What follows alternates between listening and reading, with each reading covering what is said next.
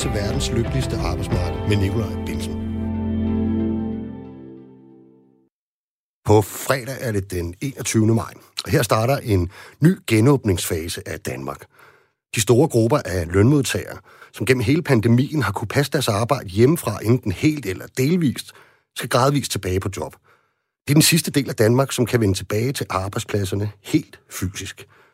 For nogen betyder det et gensyn med kollegaer, som man kun har set meget let, eller i nogle tilfælde slet ikke til, medmindre det var på Teams og Zoom, og hvad vi ellers har brugt af kommunikationskanaler og mødelokaler. For andre, at vi tager et yderligere skridt hen imod det normale. Eller hvad?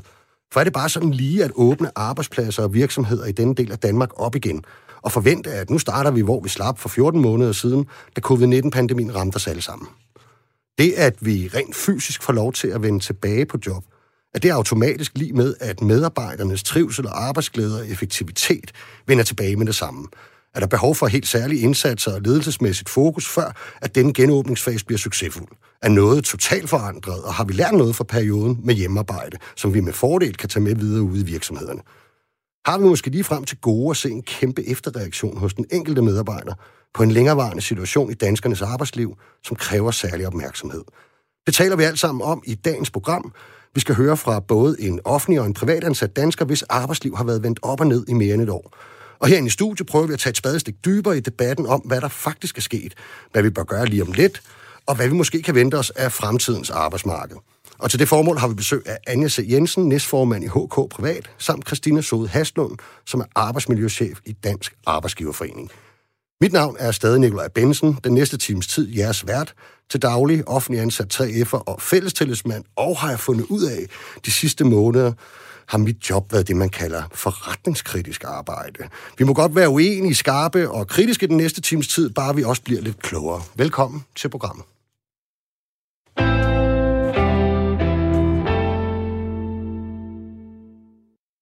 Christina Haslund, arbejdsmiljøchef i DA, som hvis man skulle være i tvivl, står for Dansk Arbejdsgiverforening. Velkommen til programmet. Tak for det. Danmark, det genåbner mere og mere, og branche for branche, og om ikke så forfærdeligt længe, så begynder en masse af de danskere, der har kunne varetage deres jobfunktioner øh, hjemmefra, at vende tilbage fysisk på deres arbejdsplads. Sådan ser det bestemt ikke ud over alt i Europa, og man kan vel nok godt tillade sig at konkludere, at på det sådan politiske niveau, og i forhold til myndigheder osv., så, så har vi, både hvis parametre er sundhed eller økonomi, håndteret den her krise ret godt. Men øh, hvis vi vender blikket mod erhvervslivet, og navnlig den del, som har opereret meget med medarbejdere, der skulle passe deres job hjemmefra, hvordan har vi så klaret os, hvis man spørger i Dansk Arbejdsgiverforening? Vi har øh, klaret os rigtig godt, faktisk. Øh altså man kan sige, for første gang øh, i Danmarks historie står det jo klart nu, hvor, øh, hvor vigtigt et job er, øh, og et arbejdsfællesskab er for den enkeltes øh, trivsel. Øh, og, øh, og man kan sige, den omstillingsparathed, som både virksomheder og medarbejdere har har, øh, hvad skal man sige, har udvist for at kunne sikre, at den øh, gode trivsel, vi faktisk har i Danmark, øh, at den sådan set også har kunne fortsætte under øh, en nedlukning af Danmark. Så, så jeg vil sige, at jeg synes faktisk, at vi har klaret det rigtig, rigtig godt. Mm. Det er klart, efter øh, et års øh, hjemmearbejde, så er der også udfordringer nu, ikke? Mm. Men, øh, men vi har klaret det rigtig flot. Så på en, øh, en, en gammeldags 13-skala vil jeg give det et, øh, et højt øh, 11-tal. Et højt 11-tal. Men så lad os lige høre med det samme. Anja Jensen, næstformand i HK Privat. Og fagforeningen, det er jo medarbejdernes repræsentant, så hvis vi, øh, hvis vi, hvis vi stiller samme spørgsmål, øh, hvad går meldingerne så på? Jamen, øh, og, og tak for det. Og jeg er jo sådan set enig i, at på øh, en meget lang strækning, der, der er det flotte karakterer, der kan uddeles. Særligt til det her med omstillingsparatheden. Altså, det er jo mm. gået... Det er jo været 10-15 års udvikling, der skete på 14 dage, 3 uger. Ja. Øh, så man må sige, at alle stod klar og var meget klar øh, meget øh, parat til at, øh, at, at tage det her med, acceptere at blive sendt hjem med meget øh, kort varsel. Øh, virksomhederne har også været øh, dygtige og rumlige til øh, pludselig at og måske, hvis man øh, kan tillade sig at sige det, at have en lidt mere positiv øh, mm. Øh, tilgang til det øh, med hjemmearbejde. Hvor det før nok var nærmere var noget, man var sådan lidt i hvert fald for mange medarbejdere, det der med at arbejde hjemme, det øh, var sådan i tankerne også noget med, og så fik man også ordnet vasketøj og, og talt med håndværkere, og ja. måske var man ikke så produktiv. Øh, det har jo vist sig nu, at det er i hvert fald ikke rigtigt. Ja. Øh, der er både effektivitet og produktivitet. Så på omstillingsparatheden, øh, høje karakterer, på det her med trivsel, må jeg sige, at det har nok været sværere, end man umiddelbart troede. Øh, man kan ikke bare sige, nu kan du arbejde hjemme, mm. og så alt lykke. Altså, der, øh, der, skal, noget, der skal noget kontakt til. Ja. Og, øh, og vi har set, hvor vigtig social kontakt er også. Mm. I øvrigt, så vil vi som altid gerne høre fra jer, som sidder og lytter med derude. Hvis du har et spørgsmål eller en kommentar til debatten, så kan du skrive her ind ved at sms'e til 1424. Skriv R4, og så din besked efter et mellemrum. Men hvis vi, Christina, ser tilbage sådan på de sidste 14 måneder, og hvis man skal sådan prøve at kredse det lidt mere ind, hvad har vi så lært, og hvad tror vi vi bliver taget med over til, øh, til sådan den nye virkelighed, som rammer virksomhederne og medarbejderne lige om lidt? Hvis vi starter med at kigge på, hvad vi har lært, øh, så har vi i hvert fald lært, at, øh, som jeg selv nævner, som, som Anja også var inde på, altså at danske virksomheder og medarbejdere er utrolig omstillingsparate. Altså det er agile organisationer, og, og øh, vores mindset er øh, øh, velkommer forandringer. Og, øh, og det kan man tro, det er en selvfølge, øh, fordi nu er det gået så godt. Men præcis som du startede med at sige, hvis du ser på mange af de andre europæiske lande, så er det nogle helt andre situationer, de har derude, øh, hvor de slet ikke har været, hverken organisationsmæssigt, teknologisk eller mindsetmæssigt, har været lige så agile, som vi har været i Danmark. Så det er i hvert fald noget, vi har lært af krisen. Vi er utrolig agile i Danmark øh, på, på rigtig, rigtig, rigtig mange parametre. Øh, og det er noget af det, som jeg også tror, vi kan tage med øh, fremadrettet. Men, men det er bagrettet, det viser det i hvert fald. Mm. Hvis man skulle spørge jer, Anja, sådan, I er jo nogle gange nødt til at påtage sådan, den kritiske røst, kan man sige. Mm. Det her, ikke? Så hvis jeg nu spørger dig i stedet for, hvad, hvad har så været det sværeste? Jamen, det sværeste har været at, at, øh, at sikre, at den her omstillingsparathed øh, ikke øh, tynget ned på den enkelte medarbejderskulder. Mm. Altså, at man var klar til at gribe den, var klar til at gøre, hvad der blev sagt, både af vores statsminister og Sundhedsstyrelsen og chefen, øhm, og at det så ikke var den enkelte medarbejder, der skulle øh, lægges til last for det, altså, og, og, og i virkeligheden også nogle gange betale med sit arbejdsmiljø. Mm. Og det har vi desværre set øh, på nogle virksomheder, at, at der har altså ikke altid været den, den automatiske villighed til at for eksempel sikre øh, det rigtige udstyr og, og sikre, at, at det fysiske arbejdsmiljø var på plads. Øhm, og så kan man sige, at det her med, med distanceledelse og kontakten, mm. ledelse og medarbejdere imellem, det ser vi i hvert fald nu, at det er noget af det, der har øh, taget på trivselen. Og det har det sikkert også gjort for ledelserne, må jeg sige. Mm. Men, men vi ser det jo fra medarbejdernes side, og det er altså over halvdelen af vores medlemmer, der siger, de har mistet arbejdsglæde og gnist øh, i den her periode, særlig anden bølge. Okay. Kan du genkende noget af det, Christina? Det kan jeg sagtens. Altså, jeg, jeg tror, at billedet øh, på en eller anden måde er, er todelt, øh, forstået på den måde, også tidsmæssigt, at i starten af perioden, øh, der, var der, øh, der var trivselen høj, øh, men jeg tror, at man på en måde kørte sådan lidt på et, et øh, hvad hedder sådan endorfinchok-agtigt, øh, eller adrenalinchok. Mm. Vi skulle alle sammen omstille os. Det gjorde vi så. Vi gjorde det efter bedste evne. Vi gjorde det med rigtig godt samarbejde. Produktiviteten var høj. Og så tror jeg simpelthen, der er kommet lidt en, en, en metaltræthed øh, undervejs, stille og roligt, og som man så især kan se nu, fordi nu har det stået på i så lang tid. Nu vil vi bare gerne til tilbage til en normalitet. Mm. Parenthes, jeg tror ikke, den rammer os sådan helt øh, normaliteten. Det bliver ny normal i hvert fald, men, men vi vil gerne tilbage til noget af det, vi, vi, vi kender. Men øh, jeg tror samtidig også, at man skal sige, at øh, eller det er vigtigt i hvert fald at kigge på et andet aspekt, som vi også har lært, øh, og det er, at danske medarbejdere blev faktisk inddraget utrolig meget i de løsninger, man så finder på de enkelte arbejdspladser. Det er jo ikke øh, svaret på alt, kan du sige, men det er i hvert fald øh, en rigtig godt udgangspunkt, at der er blevet lavet undersøgelser, der faktisk viser, at øh, jeg tror, det var 8 ud af 10 virksomheder, de inddrager medarbejderne i at finde de rigtige lokale løsninger mm. ude på deres arbejdsplads. Det hjælper utrolig meget, hvis man sidder som medarbejder, og man faktisk får medindflydelse på, hvad det er for nogle... Man kan sige, der kommer nogle retningslinjer fra myndighederne, man skal følge, men hvordan er det så, at vi så gør det her hos os? Ja, hvordan oversætter vi dem her hos os? De giver jo et medejerskab og et engagement, og man finder de rigtige løsninger.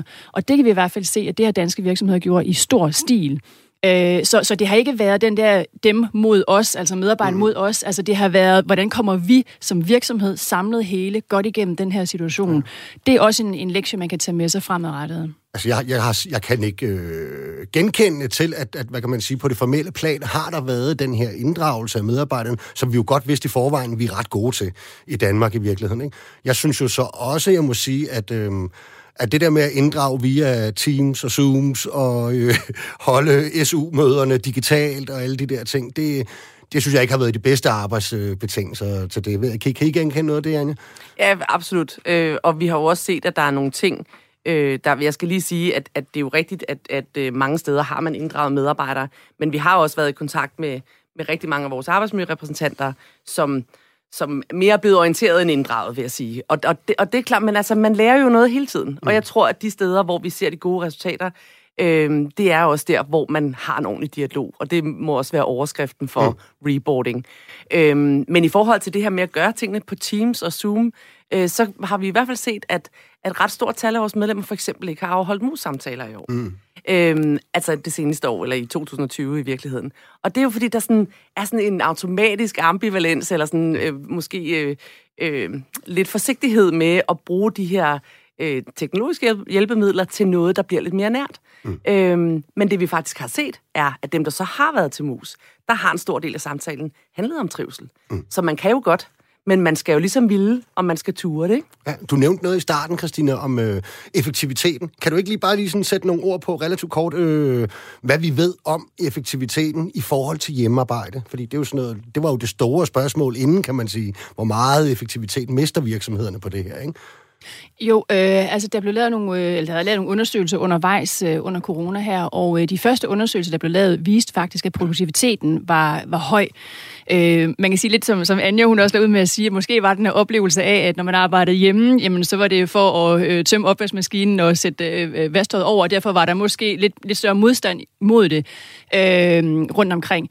Og der kan man sige, at den frygt var i hvert fald, eller viste sig at være ubegrundet, fordi medarbejderne performede utrolig godt, nærmest fra dag 1 af. Mm. Og det hænger selvfølgelig også sammen med vores digitalisering, altså herhjemme, at vi er kommet så langt, at man kan gøre det. Hvis du kigger for eksempel på Tyskland, ja.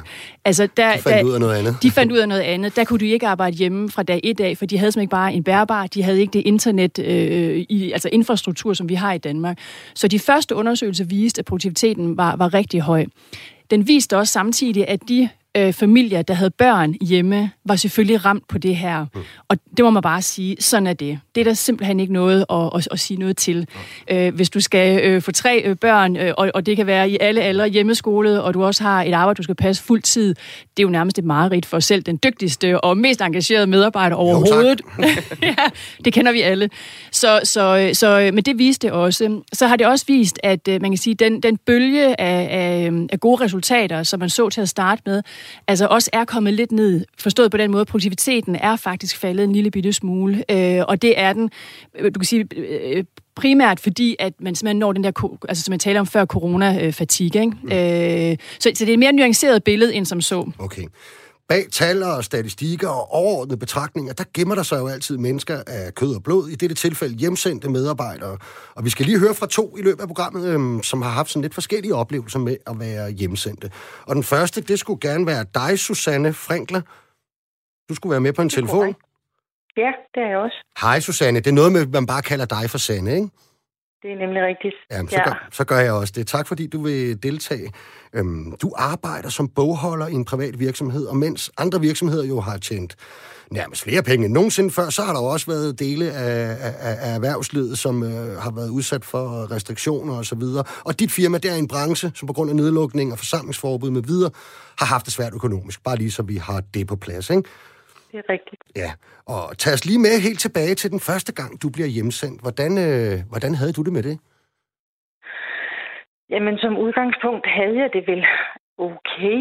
Øh, jeg synes, det var svært at arbejde hjemme, fordi jeg er meget social, og jeg har det øh, svært med at sidde. Jeg har svært ved at holde struktur i min hverdag, når jeg sidder hjemme. Mm. Øh, men første gang gik det egentlig okay. Øh, jeg fik arbejdet det, jeg skulle. Jeg havde rigtig travlt, fordi øh, vi sendte nogle medarbejdere hjem, og jeg var på job derhjemme konstant, fordi vi skulle sætte os ind i hjælpepakker, blandt andet på grund af nedlukningen jo. Mm. Øhm, så der var rigtig meget arbejde. Mm.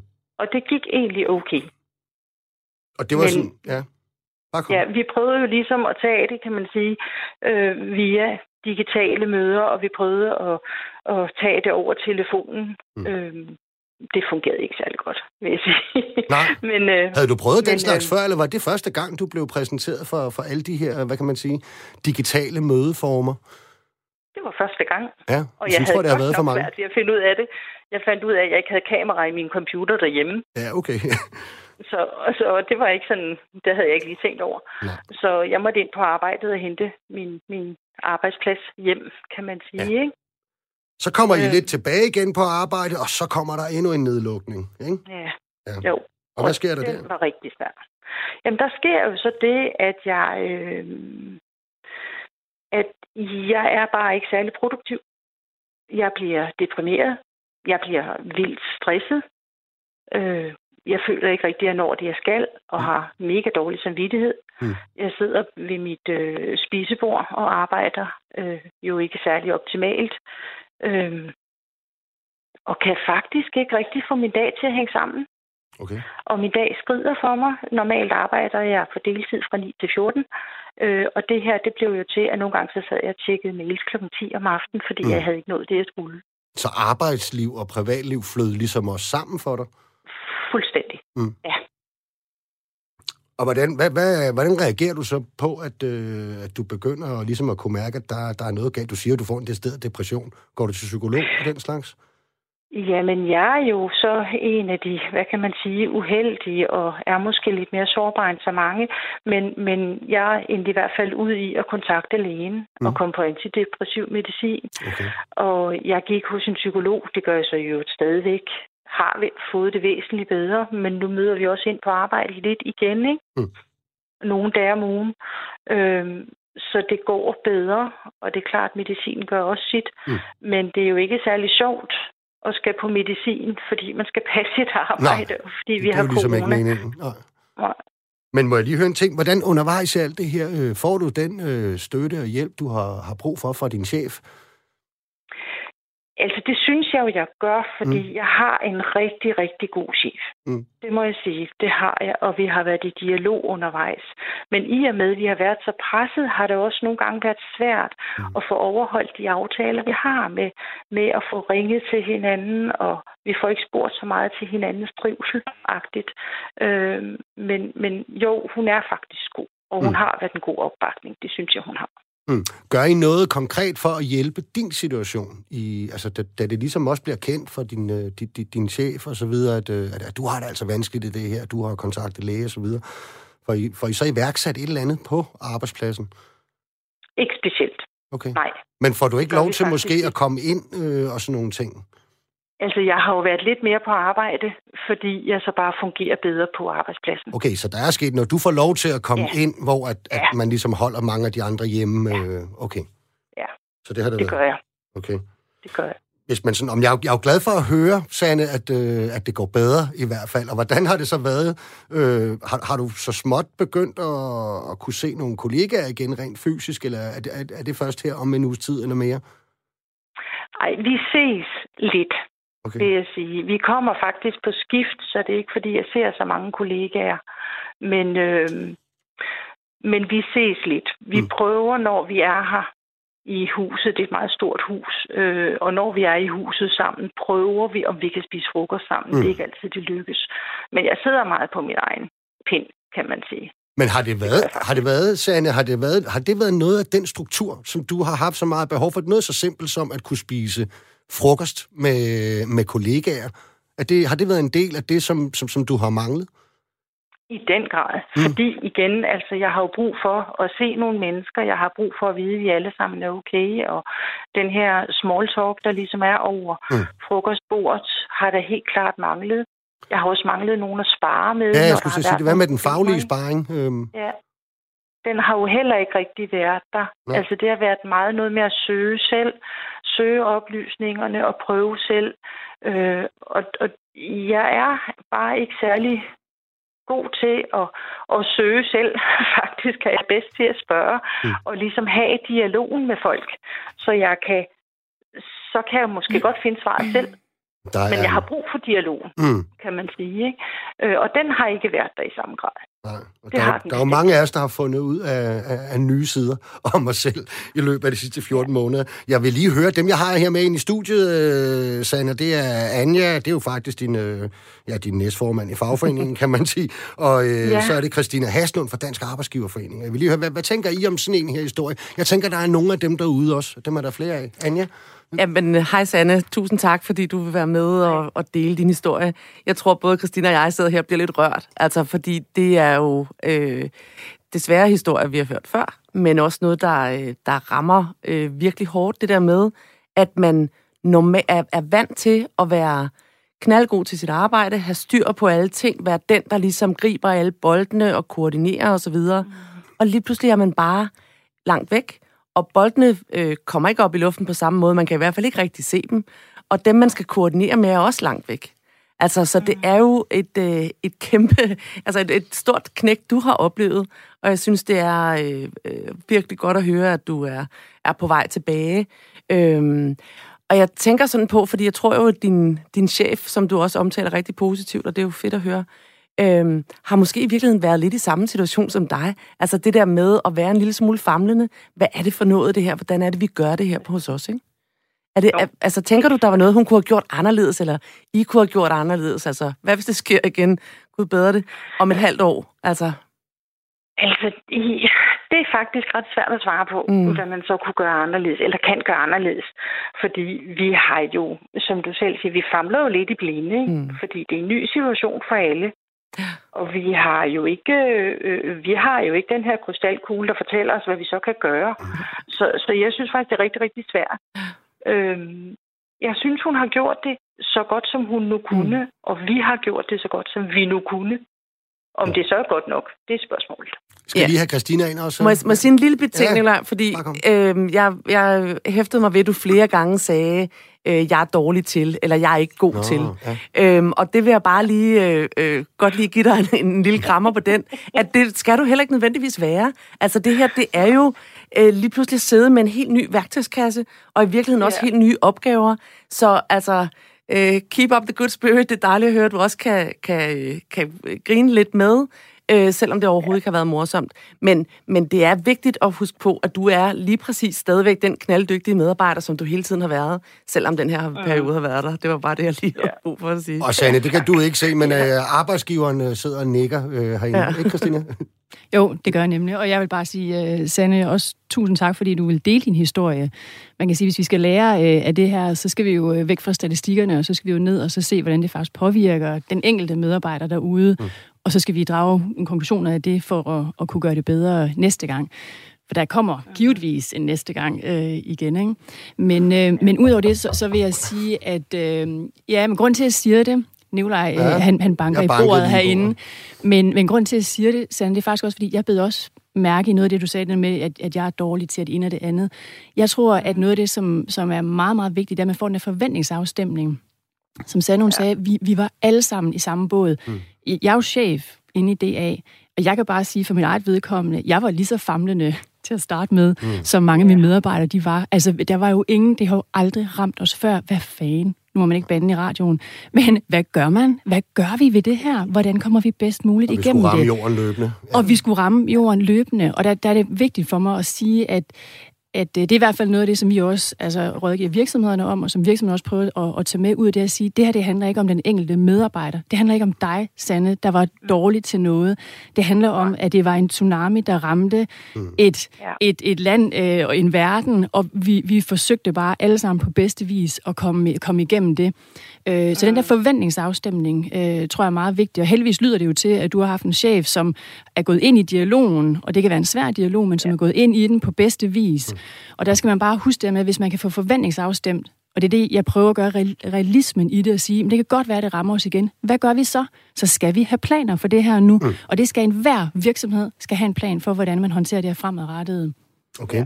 Sanne, hvad, hvad, hvad tænker du om det, du lige har fået at vide herindefra? Jeg synes, det var meget fine øh, bemærkninger til dig, faktisk. Jamen, øh, jeg vil da sige mange tak. øh, men det er klart, at selvtilliden fik jo lidt et knæk, ja. fordi jeg fandt ud af, at jeg ikke var så digital, som jeg troede mm. i bund og grund, da vi begyndte på alle de digitale møder. Og jeg synes faktisk ikke, det fungerer særlig godt. Om det så fordi jeg gør noget forkert, eller om det rent faktisk er, fordi det bare ikke er super godt. Det ved jeg ikke, fordi vores øh, møder digitalt har ikke været særlig gode øh, i forhold til, at teknikken ikke har virket super godt. Mm. Så, så bare den del gør jo, at tingene halter lidt, fordi man ikke på samme måde kommer igennem de ting, man skal. Mm. Øhm, ja, det er vel egentlig bare det, jeg vil sige, tror jeg. Det synes jeg er så fint, og tusind ja. tak, fordi du vil dele din meget, meget, meget vigtige historie. Susanne Frinkler, Kalle Sanne og bogholder, og har det heldigvis meget bedre nu. Tak, fordi du ville deltage i programmet. Tak, Sanne. Ja, men tak. tak. Nu, nu, nu nævner Sanne jo det her, og det er jo, det er jo nemlig rigtig fint, at, øh, at, at hun har jo altså en, øh, en, en forstående og rummelig chef, som virker til at have i hvert fald gjort, hvad hun kunne for at, og, og ligesom at gå hands-on med det her, men, men det kan vi jo ikke være sikre på findes alle steder, vel? Nej, Nej det kan vi desværre ikke. Øhm, og, og, øh, og der er jo også, altså, der er jo rådne æbler i alle kurve, kan man sige. Mm. Øhm, men, men jeg synes, det vigtige her, og, og det vigtige, som Sanne også får sagt, det er, at der var den her dialog med arbejdsgiver. Altså, at man får talt om det. Øhm, og det, vi jo i hvert fald har set, øhm, er, at... Øhm, Nå, nu tabte jeg lige tråden. Men, men at man har dialog, og så man husker på også, at man kan jo ikke en til en bare oversætte et almindeligt fysisk møde til et digitalt møde. Nej, nej. Det er simpelthen ikke en mulighed. Selvom, selvom teknikken så fungerede, så er det bare ikke det samme, der sker. Og så er der det her med telefonopkaldene. Altså, hvor du normalt ville stille dig ind i døren hos en af dine kollegaer, så skal du nu ringe i stedet for. Og der er altså en, en, øh, en tøven med at gøre det, for man ved jo ikke, om man forstyrrer. Mm. Det kan man se, hvis man går hen til kollegaens kontor eller skrivebord, så kan man jo se, om vedkommende sidder fordybet i et eller andet. Det kan man ikke, hvis man ringer. Så der er altså noget kontakt, øh, der går galt her.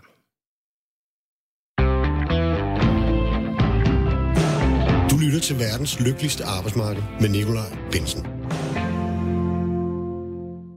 Fuldstændig korrekt. Og i dag taler vi om den nye virkelighed, som rammer en masse af de danskere, som primært har udført deres arbejde hjemmefra. Fra på fredag vil man så småt begynde at indtage arbejdspladserne og kontorlandskaberne rent fysisk igen. Men hvordan har det egentlig gået med 14 måneders helt eller delvist hjemmearbejde? Har vi lært noget, vi kan tage med videre? Og hvad skal vi særligt være opmærksom på, når vi genindtager vores arbejdspladser? Det taler vi alt sammen om i dagens program, og vi har netop hørt fra Sanne, der jo altså havde det lidt svært ved at arbejde hjemmefra, og desværre også øh, fik nogle, øh, hvad kan man sige, voldsomme personlige omkostninger med det. Nu skal vi høre fra en, som har haft en noget bedre oplevelse de sidste 14 måneder. Med mig i studiet har jeg fortsat Anja Jensen, som er næstformand i HK Privat, samt arbejdsmiljøchef i Dansk Arbejdsgiverforening, Christina Haslund. Men uh, I er med på endnu en uh, historie ude fra virkeligheden, ikke? Jo, det er godt. absolut. Det er godt. For jeg skulle meget gerne have dig, Sune Bak, med på en telefon. Det er rigtigt. Ja. Øh, kan du ikke lige præsentere dig selv, Sune? Jo, jamen, jeg hedder Sune, og jeg arbejder til daglig i Holbæk Kommune, hvor jeg er miljømedarbejder primært på jordforureningsområdet. Øhm, og så er jeg jo så næstformand i den offentlige sektor i Dansk Magisterforening. Mm. Hvad laver en miljømedarbejder? En miljømedarbejder i mit tilfælde tager sig af, for eksempel når der skal bygges øh, på de industrigrunde, der er i byerne, så mm. at sørge for, at det byggeri, der er, tager højde for, at den forurening, der er i jorden, ikke gør det fejl, at bo der. Mm. Eller hvis der går hul på en olietank, og sørge for, at der bliver ryddet op efter det. Okay. Og hvor meget af den slags arbejde kan man egentlig lave, øh, hvad kan man sige, enten via en computer øh, og digitale løsninger, eller hjemmefra for den sags skyld? Jamen, rigtig meget. Altså, det, meget af det er jo at se på prøver og analyser og, og, og tegninger og få samtalt med de her folk om at sige, jamen, hvad gør vi ved det her? Øhm, og så er der jo nogle af, af de store komplicerede sager, hvor vi har behov for at komme ud og se det selv. Altså hvis man bygger på en, på en, på en gammel industrigrund, mm. så, så er der behov for, at man kommer ud selv og ser, jamen hvad er det, der er de forskellige steder, når man får, får prøveresultaterne ind. Okay. Og øh, hvor meget har du så lavet hjemmefra de sidste 14 måneder? Jamen, til at starte med første, hvad skal jeg sige, første coronanedlukning, det, det, der, var, der var vi helt lukket ned. Der, der skulle man have en specialtilladelse for at køre ud på de her tilsyn, hvor vi har fordelen af, at tilsynen er udendørs. Og det gjorde det mig væk, at det kunne lade sig gøre. Øh, fordi det at gå ud og, og stå på en byggeplads og, og sørge for, at, at, at man, man finder, får talt med dem derude, det, det kunne godt lade sig gøre. Øh, og så anden nedlukning, har det så startet ud også med at være ret meget nedlukning, og så er der blevet åbnet en smule op, fordi vi har fået nogle nye kollegaer, eller der er nogen, der har været på, tilbage fra en sygemelding, som har fået lov til at komme ind. Og i den forbindelse, så nogle af deres nærmeste kollegaer har så også fået lov til at komme ind og hjælpe dem. Okay. For det er jo ligesom, de skulle være der sammen med nogen. Nå, okay, så, og det har været nærmere et, hvad kan man sige, sådan et understøttende og socialt hensyn, eller har det også handlet om faglig sparring osv.? Det har jo også handlet om faglig sparring, netop som, som, som jeg hørte her for lidt siden sige, jamen det der med at løfte telefonrøret og stille spørgsmålet, det kan være svært. Mm. Hvorimod, at hvis man sidder ved samme skrivebord eller på hver sin side af sådan en dobbelt skrivebord, så, så får man lige spurgt til et eller andet til. Men det har helt sikkert også været det sociale, og, og, og mærke, at der er nogle andre. Mm. Så hvis man sådan øh, lige gør regnebrættet lidt opsugende, hvad, hvad har din oplevelse af, at, at den her nye ting med at kunne arbejde hjemmefra, øh, og være lidt inde, og være hjemme og så videre, hvad, hvad er den? Jamen, fra, fra den, den, den første nedlukning, hvor der, hvor der var sådan et, altså alle havde den der akut behov, nu løfter vi det her sammen, nu, nu gør vi det. det, det, det er, øh, så der, der, var, der var det meget positivt, altså alle havde sådan en, jamen, det skal vi selvfølgelig, og det får vi til at fungere, og nogle ting blev nemmere, der var mange, der sparede en masse transporttid, mm. øh, og man kunne godt få nogle ting til at fungere på Teams, og det kommer vi da også til at, at, at bruge fremad og, og få tingene til at køre der, når det er små og praktiske møder. Mm. Og så i anden omgang, så var der nogle af dem, og faktisk også nogle af dem, der havde været gladest ved det i første omgang, der synes det blev virkelig hårdt. Fordi deres hverdag smeltede sammen. De havde ikke et arbejde og en fritid. Det var... De sad ved, ved spisebordet øh, og, og arbejdede, mm. og, og skulle så også være der resten af dagen. Øhm, noget af det var særligt corona-relateret. Altså dem, der, der har haft hjemmegående børn, har det været meget svært at lave et, et seriøst stykke arbejde. Øhm, det, det er jo forhåbentlig ikke en, en, det, der, der bliver scenariet fremadrettet. Men, men, øh, men der har også været en masse positivt netop med nogen, der kunne få en mere fleksibel hverdag. Øh, så, så, så der er både positivt og negativt, og meget forskelligt fra person til person. Mm. Altså for nogen, så er det efterfølgende noget, hvor de siger, de vil gerne møde ind fire dage til fem dage om ugen, og andre siger, jamen jeg fungerer egentlig fint med at møde ind en dag om ugen, hvor jeg skal have møde med teams, mit, mit team og dem, der de, hvad skal jeg sige, de, de store møder, hvor, hvor øh, det er nødvendigt, man er der. Mm. Og hvordan håber du så personligt, og, eller ja, du må egentlig godt tage, hvad kan man sige, dine, dine kollegaers betragtninger med i, ja. i overvejelserne, men hvordan håber du så personligt, at, at balancen ser ud nu, når, når, når vi skal normalisere os lidt mere? Øh, jamen, for, for mig, så, så, så kommer den til at være i hvert fald to dage inde på arbejde, og så at man derudover møder ind de dage, hvor det giver mening. Fordi de to dage på arbejde mødes alle i teamet så ind, så man får taget alle de der snakke og de, mm. de uformelle. Jamen, hvor skal vi gå hen?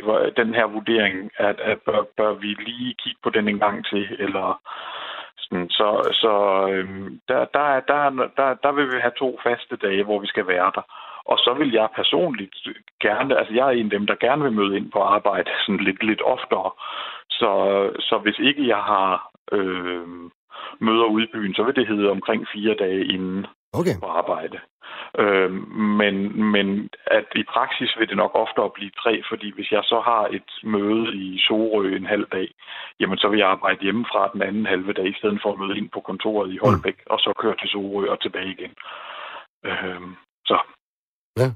Men altså, det vil sige, sådan, sådan opsamlende, så kan du sådan set godt få øje på øh, nogle positive ting, men de, de knytter sig jo selvfølgelig også til din personlige situation, ikke, Sune? Du, du er ja. jo en af pendlerne, går jeg ud fra, og du har ikke øh, de her øh, mindre børn, der skal hjemmeundervises øh, ved siden af, vel? Nej, nej. Så, så, så ja, ja der, der, der, der er nogle plusser. Øhm, og, og, og noget af det, som vi da også kan mærke her nu, det, altså jeg tror for mig har det hjulpet at have de her dage, hvor jeg har skulle være inde for i virkeligheden med, med hvad skal jeg sige, som undskyldning af, mm. med nogle kollegaer, der havde brug for, at jeg var der.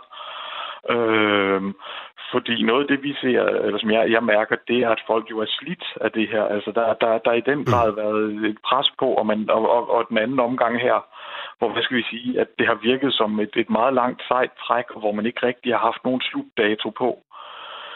Og nu kommer der jo så, og det, det, det, det lyder måske lidt uh, specielt, men nu er det jo en ny omvæltning at skulle tilbage på arbejde. Altså mm. det er jo en ny hverdag, man skal hoppe og stå igen.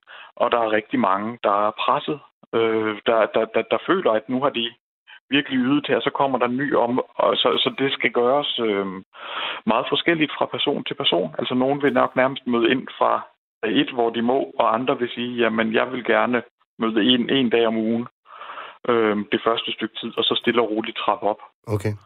Christina, det her det er jo en lidt, det er jo en lidt anderledes øh, fortælling, kan man sige, som indebærer en, en, en, nogle flere positive elementer i hvert fald, ikke?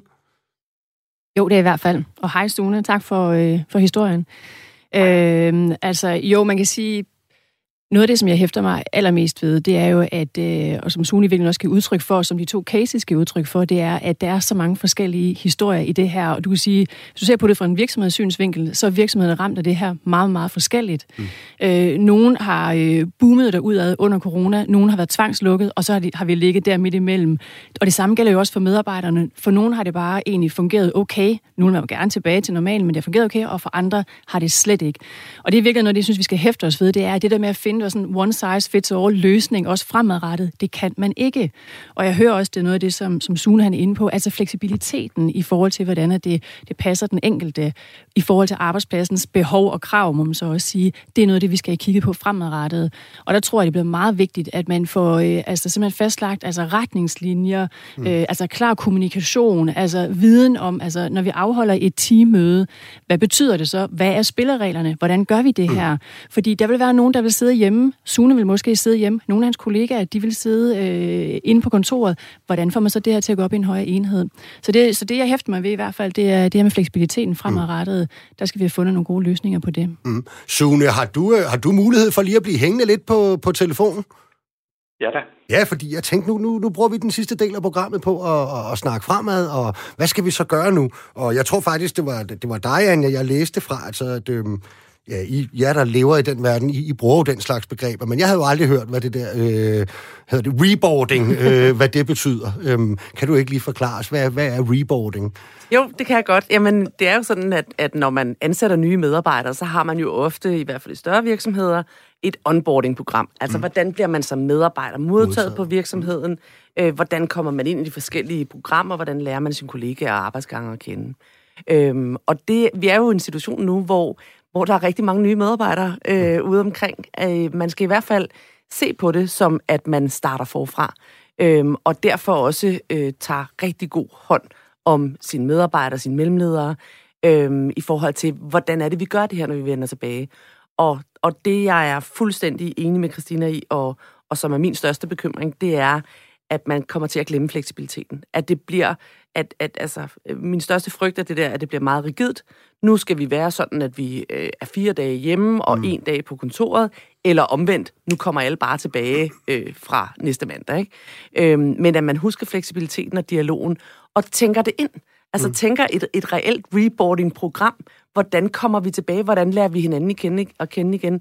Hvordan sørger vi for at implementere alle de gode ting, vi havde med fra corona i vores dagligdag? Og så frem for alt, at vi husker det her med, hvor vigtigt vi har fundet ud af, du startede også med at sige det, Christina, hvor vigtigt vi har fundet ud af, at kollegaerne er, og det der sociale fællesskab. Vores arbejdsplads er jo en kultur. Mm. Øh, altså og, et og sted, vores job er en identitet. Ja, ja i den grad. Øhm, og derfor kan vi heller ikke bare sige, Nå, jeg vil gerne bare ind på arbejde en dag om ugen. Der vil jeg bare gerne lige have lov til at advare imod, at man tror, at man kan tjekke ind og ud af fællesskabet, sådan som man lige har lyst, for man er jo selv en del af det. Så hvem siger, der er nogen, der er fredag, du, hvor du gerne vil komme på arbejde? Der kan være alle de andre hjemme. Så det skal der simpelthen laves en, øh, en, øh, en plan for i virksomhederne, og selvfølgelig med inddragelse af medarbejderne og alle de individuelle behov, men selvfølgelig også ud fra en, altså, øh, en arbejdstankegang. Altså, hvad er det for en opgave, du skal løse, mm. og er det overhovedet muligt at, øh, at indtænke enten det ene eller det mm. andet? Der skal laves en plan, Christine. Jamen, det er jeg fuldstændig enig i. Det var også det, jeg, jeg, jeg prøvede på at sige øh, lige før. Altså det her med, at vi, man kan sige, nu kommer vi snublende ind i corona. Nu skal vi gerne komme mere struktureret ud af den og ind i den nye normal. Og, og man skal ikke underkende det her med at få lavet de her retningslinjer, få lavet de her planer, få forventningsafstemt ude på arbejdspladserne. Hvor, altså præcis som Anja siger, hvornår tjekker man ind, hvornår kan man ikke tjekke ind. Øh, altså hvornår der er behov for en. Hvad, og, og det her med at være opmærksom på, og jeg er meget, meget enig, det her med, at du er en del af et fællesskab. Mm. Så det er ikke nok at kigge på ens egne behov, men simpelthen nødt til at kigge på fællesskabets behov også. Og du siger, på den måde er det jo både altså et lederskab, et kollegaskab og et medarbejderskab, mm. og man skal have de der tre til at gå op i, i en højere enhed. Og så synes jeg også, der er en vigtig ting, som, øhm, som vi i hvert fald har, har oplevet set fra virksomhedens synsvinkel, det er kommunikation.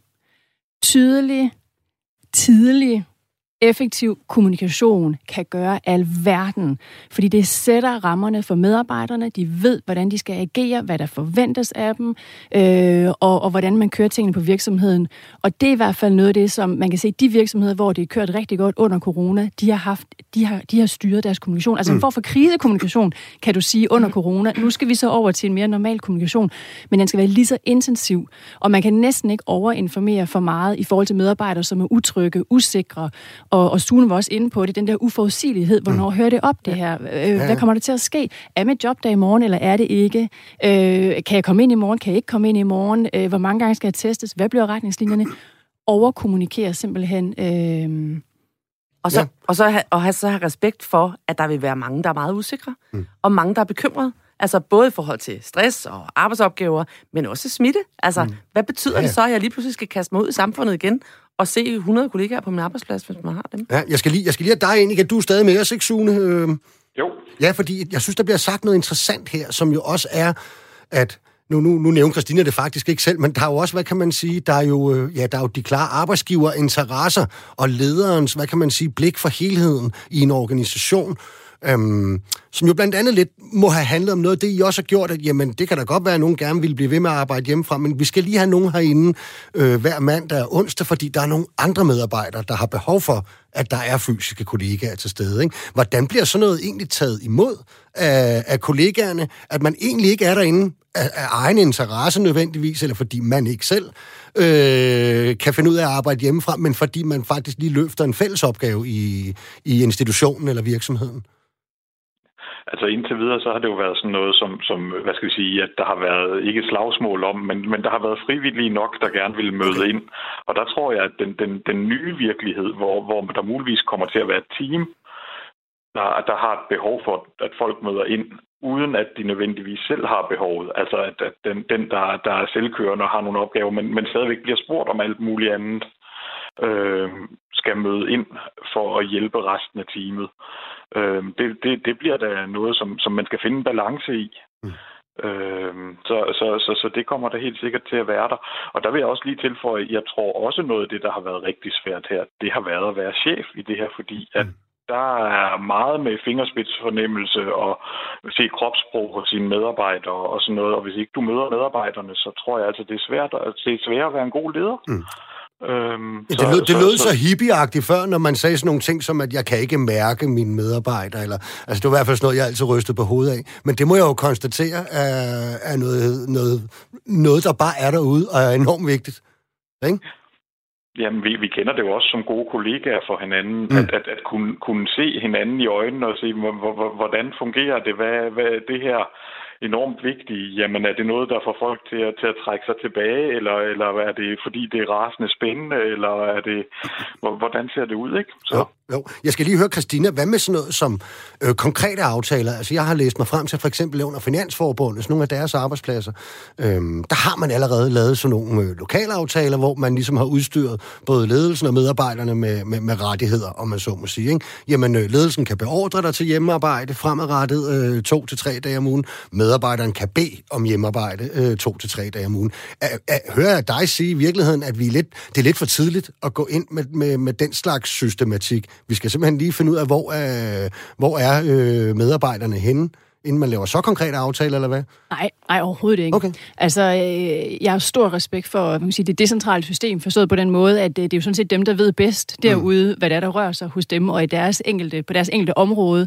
Og hvis man er klar til at lave aftaler omkring det, og der er to parter, der finder sammen om det, så er det helt klart vejen at gå. Øh, og du kan sige igen, der er stor forskel på de enkelte områder, mm. og hvor meget hjemmearbejde man har haft. Altså har det været en industrivirksomhed, øh, der hurtigt kunne arbejde hjemme, eller har det været en bank, øh, hvor man kunne hjemme alle, de alle sammen digitale, de er vant til at sidde og arbejde med øh, 10 skærme øh, og alt det her. Så der er stor, stor forskel på det, og det skal man have respekt for. Øh, og så skal man lade, lade, lade de enkelte sektorer eller brancher simpelthen styre det selv derude. Mm. Øhm, ja. Okay. Anja, hvad hedder det? Um Ja, når du, nu løfter du fingeren ja, ja, igen, Christi, du kom i tanke om ja, jeg kom lige i tanke om det, ja. fordi at, øh, at, øh, det, som, øh, som Sunan sagde i forhold til lederne, øh, er nemlig meget interessant, fordi der er faktisk lavet en, øh, en undersøgelse øh, fra DTU, som faktisk har kigget på lederne, fordi det sådan set har været en lidt overset gruppe i den her øh, samtale omkring corona mm. og, og effekterne af det for arbejdspladserne, og hvor man faktisk kan se, at hvor medarbejderne i høj grad har klaret det flot, øh, igen selvfølgelig med, med, med de 12 måneder, der er det for lang tid, ikke? men hvor der har lederne faktisk altså, øh, mærket konsekvenserne langt tidligere. Og der er simpelthen lavet nogle sammenligninger, øh, det er en del af et, et, stort, et større europæisk studie, og der er lavet nogle sammenligninger på tværs af, jeg tror blandt andet Tyskland og Danmark, hvor vi simpelthen kan se, at danskerne, vi er jo nogle af dem, der leder via dialog, via samarbejde, inddragelse, øh, via altså, altså fingerspidsgefyl, og hvor du kan se, tyske ledere for eksempel, det er hierarki, ordning mod sign, det er, der er styr på systemerne. De har slet ikke oplevet nedlukningen med samme konsekvens, som vi har i Danmark, hvor lederne faktisk har følt sig alene og mm. har følt sig lidt rådvilde i virkeligheden. Ikke? Fordi det er en helt anden måde, at det danske arbejdsmarked det, det fungerer på. Og det er bare en virkelig vigtig pointe også at tage med øh, mm. i det her. Og så kan man sige, at din, din første indledende pointe i forhold til arbejdsgiveriet, mm. det er jo klart, at det er jo en ledelsesret. Den var der før corona, den var der under corona, den er der også efter corona. Og sådan er det. Man kan sige, når det er sagt, så handler det jo om at finde de gode løsninger inden for mm. det rum, der er. Og det er sådan set det, jeg hører, at, at vi, vi, vi alle sammen er interesseret i at, at, at finde frem mm. til. Anja, når vi skal lave den her reboot, jeg kunne godt tænke mig, hvis du om vi kan komme det sådan lidt mere nærmere konkret, hvad det for eksempel indeholder. For jeg forestiller mig, at det er jo også noget med at tage nogle samtaler med, med, med det personale, der har været hjemsendt, og egentlig netop, nu hører vi jo så mange forskellige øh, hvad kan man sige, øh, fortællinger fra den her tid, og det er vel noget med at anerkende, at hver har haft en meget forskellig fortælling, og det har haft en meget forskellig påvirkning. Ikke? Er det en del af sådan et uh, reboarding-program? Ja, det er det i den grad. Altså, det er sådan, øh, altså, at, man, at man får talt nogle af de der ting igennem, der har mm. været svære. Ikke? Altså, jeg synes også, vi hører øh, Sandes historie øh, i forhold til det her med at være enormt stresset. Altså, have haft svært ved at strukturere øh, hverdagen, men selv for dem, der har øh, kunnet det, så har det været enormt stressende. Altså, medarbejderne har jo siddet øh, de første par måneder, selvom man var lykkelig, nu får jeg endelig lov til at arbejde hjemme, men jeg safthus må også sidde klinet til tastatur og skærm for at vise, jeg er på, og øh, når nu børnene puttede, og computeren står lige der, så kan jeg godt lige nå at besvare nogle mails, for så skal jeg ikke gøre det i morgen, så er jeg klar til noget andet. Så, så det der, det skal man huske, det skal man have nogle samtaler om. Hvordan har det været for dig at få blandet de her ting sammen? Hvordan har det været for dig at miste grebet? Mm. Altså det tror jeg også, man skal have med lederne, øh, for jeg er helt enig i, at, at øh, at lede på distancen er bare en helt anden disciplin. Øh, så det skal man have talt om. Man skal have talt om de svære ting, og man skal, øh, medarbejderne skal også have lov til at sige, til cheferne, hvis de har følt sig svigtet. Mm. Altså, fordi ja, ja, der er også mange, der har følt sig helt aldeles usynlige. Det handler lige... om at få anerkendt sin fortælling i virkeligheden, ja. ikke? Og sin oplevelse. Og lige pludselig ja. skal alle se på en igen, når man skal hive sig igen, når man skal med bussen og så videre. Mm. Så det, det bliver øh, noget af en, en, øh, en opgave at skulle igennem. Så man skal tale om de ting, der har været svære, og så skal man huske at få samlet op på, okay, hvad var så fedt? Altså, hvad var det, der fungerede? Var det det der øh, øh, mandag formiddagsmøde, hvor vi sparer med hinanden? Skal vi i virkeligheden gøre det digitalt altid, fordi det bliver mere effektivt, og fordi det er noget, vi bare, bare skal... Mm. Men det er noget, der kan lade sig gøre digitalt. Mm. Øhm, og så, så både se tilbage, og så også se fremad, kigge på de konkrete arbejdsopgaver okay. og den enkelte Lad os lige høre fra, fra Sune Bak, vores øh, miljømedarbejder fra Holbæk Kommune. Øh, har I opmærksomhed på hele den her reboarding-ting øh, på, på din arbejdsplads og i dit team? altså, vi, vi taler i hvert fald om det, den der med at sige, jamen, vi kommer til at lave nogle retningslinjer for, hvordan vi kommer tilbage. Mm. Og så kommer vi til at lære det, og efterfølgende kommer vi til at lave nogle retningslinjer for, hvordan vi gør fremadrettet. Fordi lige nu så er det en overgangsfase, mm. øh, også at komme tilbage. Og, og, og den, den, den tror jeg, der, der, der er et ret stort fokus på. Der, der, der, der, der skal der være en enorm fleksibilitet, og så på et tidspunkt skal vi have nogle fælles retningslinjer. Lige nu sørger det for at få få alle godt tilbage i, i en, en eller anden form for hverdag. Mm. Og hvad så? Hvad, hvad, hvad tror du, at øh, fremtiden bare helt nært for dig og dine kollegaer, hvad vil, hvad vil den byde? Bliver det i virkeligheden en bedre arbejdsplads at vende tilbage til? Jamen, det, det har vi da, da håbet for, hvis vi netop lykkes med det, og også hører inden, inden fra, fra studiet med, at, at det bliver de behov, der både er individuelt, teammæssigt og arbejdspladsmæssigt, at, at vi får en fleksibilitet, hvor man får alle de ting til at nå sammen, sådan så at man måske de dage, hvor man skal hente børn, kan, kan få en, altså kan ligge en hjemmearbejdsdag, hvor det mm. også er en, en prioritet og sådan, altså, så, øhm, så, så, så nogle af de ting øh, gør det hele lettere og vil give folk en, en lidt mere sammenhængende hverdag. Okay. Sune Bak, miljømedarbejder i Holbæk Kommune. Tusind tak, fordi du ville være med i programmet. Det var rigtig fint at høre din øh, personlige fortælling under corona. Jamen selv tak. Det var en fornøjelse at være med. Hej, hej, Sune. Hej vi er nødt til lige at nå en lille ting øh, her øh, mod enden, ikke? fordi at hvis, hvis øh, der skal være mere hjemmearbejde, og det skal fortsætte på en eller anden måde, så er der jo den her debat omkring arbejdsmiljølovgivning, og nogle arbejdsgiver i hvert fald mener, at det er lidt for rigidt, nogle fagforeninger mener, at det bliver taget øh, lidt for lidt øh, seriøst. Hvor, øh, kan vi ikke lige få en lille debat om det her til sidst? det er bare lige på et par minutter, jo, det ja. kan vi godt.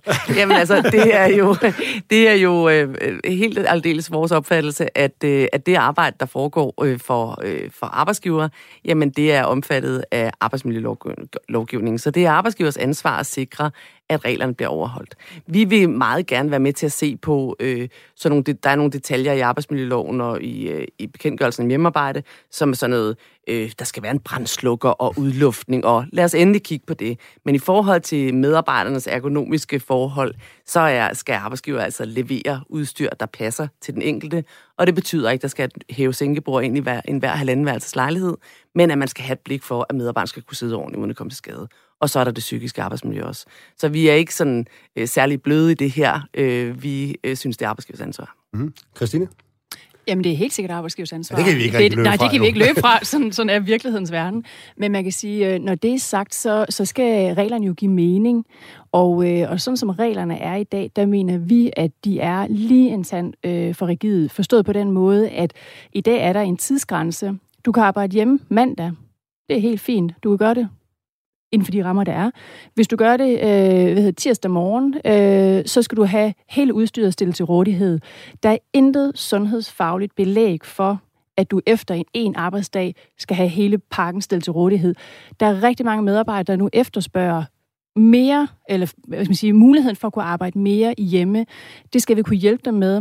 Samtidig med, at jeg jo selvfølgelig er enig i, det skal jo heller ikke være et slaraffenland, og hvor at, at, at øh, der overhovedet ikke er nogen regler, der, der, der finder anvendelse. Slet, slet ikke. Men vi skal have fundet en balance i det der, der gør, at vi mm. kan understøtte de behov, der er, og de krav, der er derude, samtidig med, at vi får en, øh, et, et fornuftigt øh, arbejdsmiljøniveau, selvfølgelig. Det synes jeg også, jeg har hørt egentlig dig, Anja, sige, at det, det må godt blive genbesøgt nogle af, af reglerne. Der er i hvert fald nogle af dem. Det her med det tidsmæssigt, det har, jeg har bare svært ved at se, hvad, hvad problemet er i virkeligheden. Fordi øh, jeg tænker, at man som virksomhed også har andre besparelser i forhold til øh, udstyrsmæssigt, eller, eller plads, eller øh, medarbejdergoder, eller mm. hvad det nu kan være, når øh, flere medarbejdere ikke er til stede.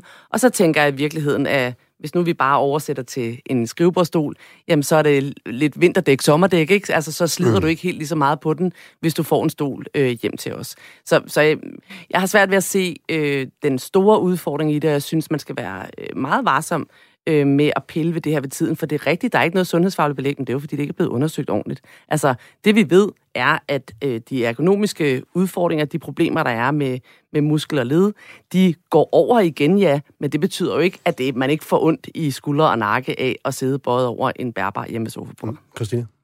Jeg vil bare sige, at øh, når man kigger på hjemmearbejdsreglerne, så er der både en bekendtgørelse om hjemmearbejde, og der er nogle regler omkring skærmarbejde, Bekendtgørelsen, som Anne ganske rigtigt siger, den er meget bredere i dag. Den har øh, alt det her øh, brændslukningsudstyr, hvad ved jeg, fordi den er skruet sammen til en tid, hvor at loddamerne, de også sidder derhjemme. Det gør de ikke i dag. Skærmreglerne, de kigger på, når vi sidder ved skærmene. Mm. Det er jo den måde, vi arbejder på i dag. Og i det arbejde, der er man faktisk gået bort fra en tidsgrænse, fordi der ikke er sundhedsfagligt belæg for det, og det er nøje undersøgt. Så på den måde kan man sige, hvorfor skal man have en, en tidsgrænse i det ene regelsæt, når du ikke har det længere mm. over i det andet? Fordi vi, det var i gamle dage, hvor vi troede, vi blev syge af at sidde ved en skærm. I dag ved vi, at, at du har tre skærme stående her hos dig. Du bliver ikke syg af det. Så hvorfor blive ved med at have de samme gamle regler? Man kan sige, uagtet hvad, så, så kommer vi til at se på det, fordi at, øh, det forlyder jo, at der kommer et regeludvalg om, om ikke så længe, mm. hvor vi skal sidde og, og, øh, og snakke om det. Det kan være, I mødes der. Der er vi også med. Ja. Men prøv at høre lige, nu, fordi det bliver meget konkret, og som sagt, det, det tager de ligesom derovre, ikke? Er vi parat til, at øh, I ved godt, når man, man kan jo skyde, du ved, en, en, sådan en fysisk sygdom, altså influenza kan man jo af mærkelige årsager godt vente med at få, til man ikke har så travlt på arbejdet eller i privatlivet nogle gange, ikke? Og jeg tænker bare på, her taler jeg aller, aller sidst, kommer der en efterreaktion? Også sådan, uh, vil, der stå, vil der være lidt kø hos psykologerne? Er der nogle folk, der har været alarmberedskab nu i 14 måneder? Er det noget, uh, vi i virkeligheden skal tage meget mere alvorligt, end det her, vi lige har talt om? Altså det er i hvert fald det, vi siger, når vi taler med øh, NFA og med arbejdstilsynet, så siger vi, at vi vil gerne have undersøgt langtidsvirkningerne af mm. det her. Hvad er det, der er sket med medarbejderne, både fysisk og psykisk? Så det øh, regner vi i den grad med. Mm. Christine? Jeg tror ikke, det lyder usandsynligt. Jeg kan sagtens se det for mig. Det eneste, jeg tænker, man skal holde for øje, det er jo selvfølgelig, det her det er en samfundskrise, det er ikke en arbejdspladskrise. Ah. Og det vil sige, at man skal selvfølgelig holde sig meget for øje i forhold til, hvad er det for nogle udgifter, hvad er det for noget, man, et ansvar, man pålægger arbejdsgiverne.